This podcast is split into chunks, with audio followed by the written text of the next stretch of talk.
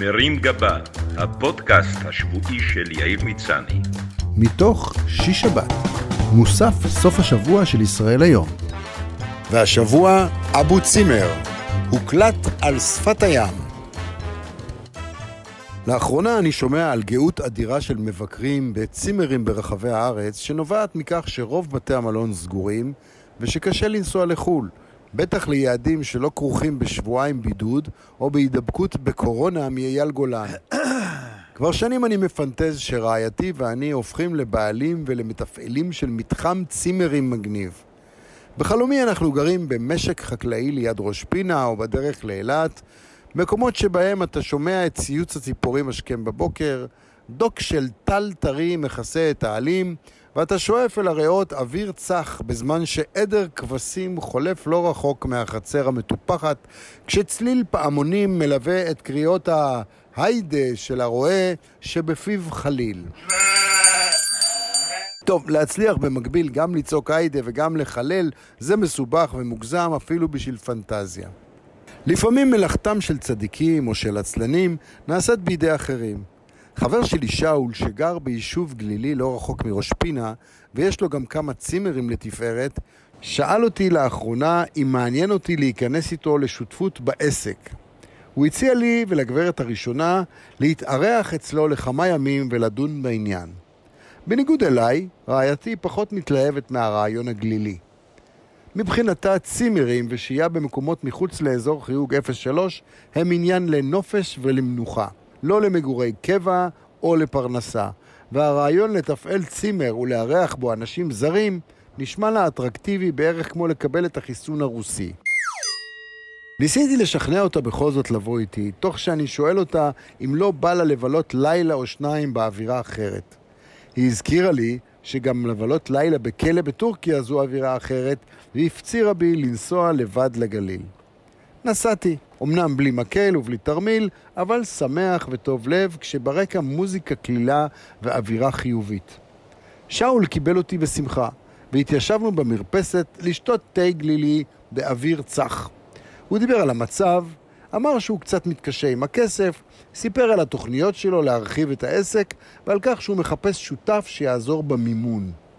לא יכולתי שלא לקנא באיכות החיים הכפרית שלו, בזמן שאני חי חיי לחץ ונושם אוויר אגזוזים במרכז.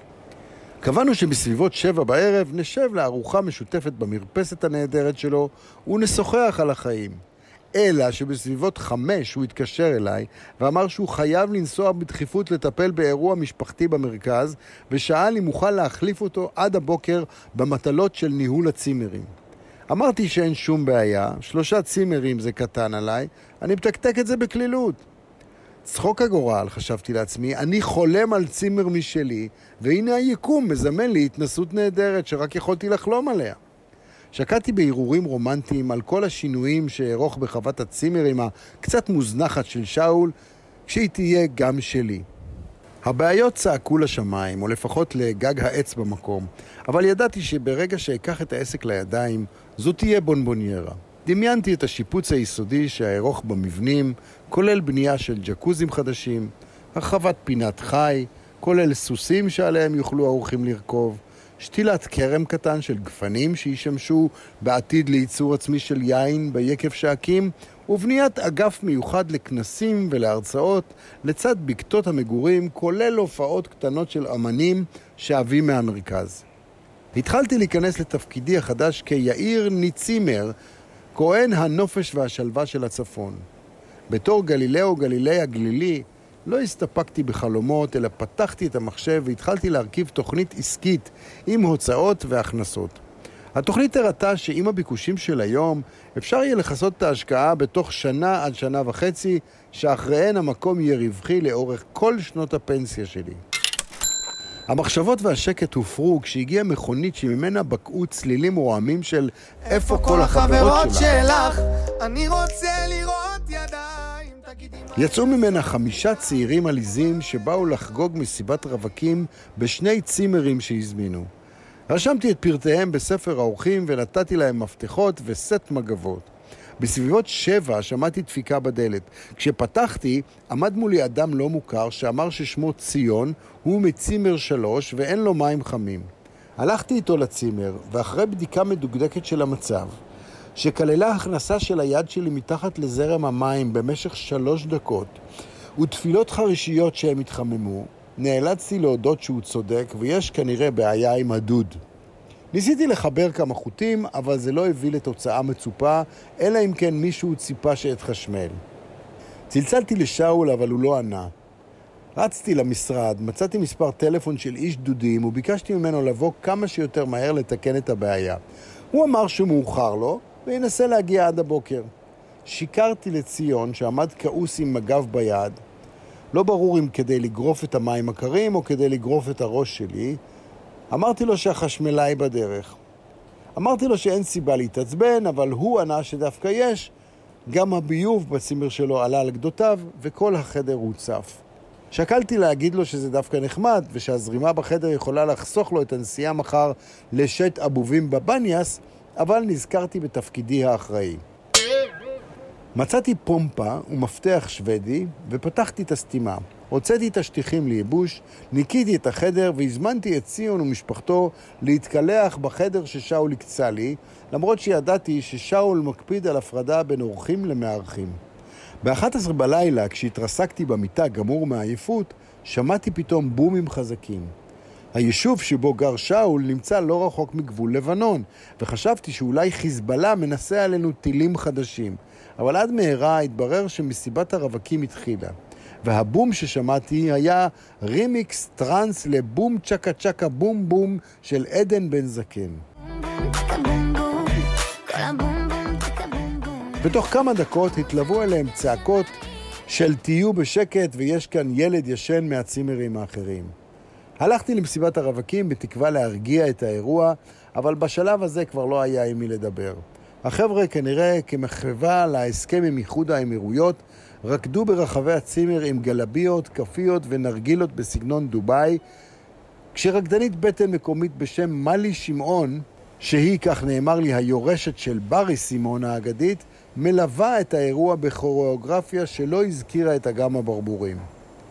אחד החוגגים אמר לי ששאול הבטיח להם בפירוש שאין בעיה לקיים מסיבה, והבנתי שאם אנסה להתווכח, החתן המיועד עלול להפוך את הראש שלי למתקן אימונים לפעולת שבירת הכוס.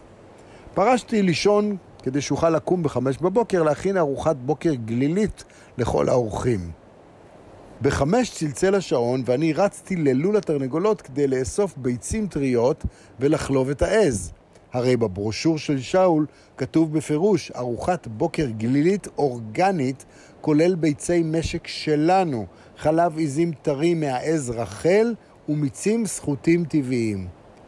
הכנתי כמה חביתות עם קוטג' וזיתים, חתכתי קצת ירקות, אבל מפאת חוסר זמן ומבט כועס של רחל, דילגתי על החליבה וגם על הסחיטה, ומזגתי לקנקנים חלב עיזים מקרטון ומיץ מקופסת פלסטיק טבעי. קישטתי בקצת טימין ורוזמרין והכנתי תה מלימונית ומלואיזה שכתבתי בחוץ. אחרי שהאורחים התלוננו שהתה קצת מר ויש להם מקצוצים בלשון ובדיקה במגדיר צמחים, הבנתי שזו לא הייתה לואיזה אלא סרפד. כמה אורחים שהיו עצבניים מלילה בלי שינה התלוננו שהמגבות לא רכות ושבשנה שעברה, כשהם התארחו בצימרים של רבינוביץ' ממול, הארוחה הייתה יותר גלילית וגם נתנו לילד שלהם לרכוב על פוני. מהחדר של מסיבת הרווקים לא נשמע ציוץ. הם רקדו כל הלילה ועכשיו ישנו. אבל מלי, רקדנית הבטן, הגיעה ושאלה אם יש מצב שאני מחזיר אותה הביתה, כי עם הכמויות שהחבר'ה במסיבה שתו, היא ממש לא רוצה שהם יסיעו אותה. אחרי ארוחת הבוקר נשמעו צעקות מפינת החי. הילד של ציון, שהיה מתוסכל שלא נתנו לו לרכוב על סוס פוני, ניסה ללטף את הטווס וקיבל ממנו ביס ביד. נזכרתי שהייתי אמור גם להאכיל את החיות, והבנתי שבלי אוכל הן נהיות עצבניות ומוכנות לטעום גם ידיים.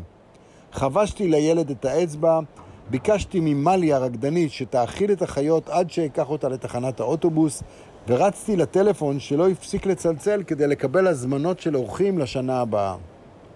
ב-11 הגיע הטכנאי לתקן את הדוד. הוא אמר שזו עבודה גדולה וייקח לו כמה שעות. כי מישהו חיבל בחוטים ובצינורות ועשה גם בלגן בביוב ועכשיו הכל מוצף. עשיתי את עצמי כאילו אין לי מושג, ואמרתי שאני כבר חוזר. המשפחה של ציון עזבה בלי לשלם, ובהשראתה הקפצתי את מלי לתחנה וברחתי הביתה. כשהגעתי, הגברת הראשונה שאלה איך היה. עניתי שקצת ירד לי מהחלום לנהל צימרים, אבל שאלתי לדעתה על הרעיון החדש שלי, לפתח אפליקציה ללימוד ריקודי בטן ביחד עם רקדנית בשם מלי. היא נאנחה ואמרה שאני נשמע עייף, ואולי הגיע הזמן שניסה לנוח קצת בצימר בצפון.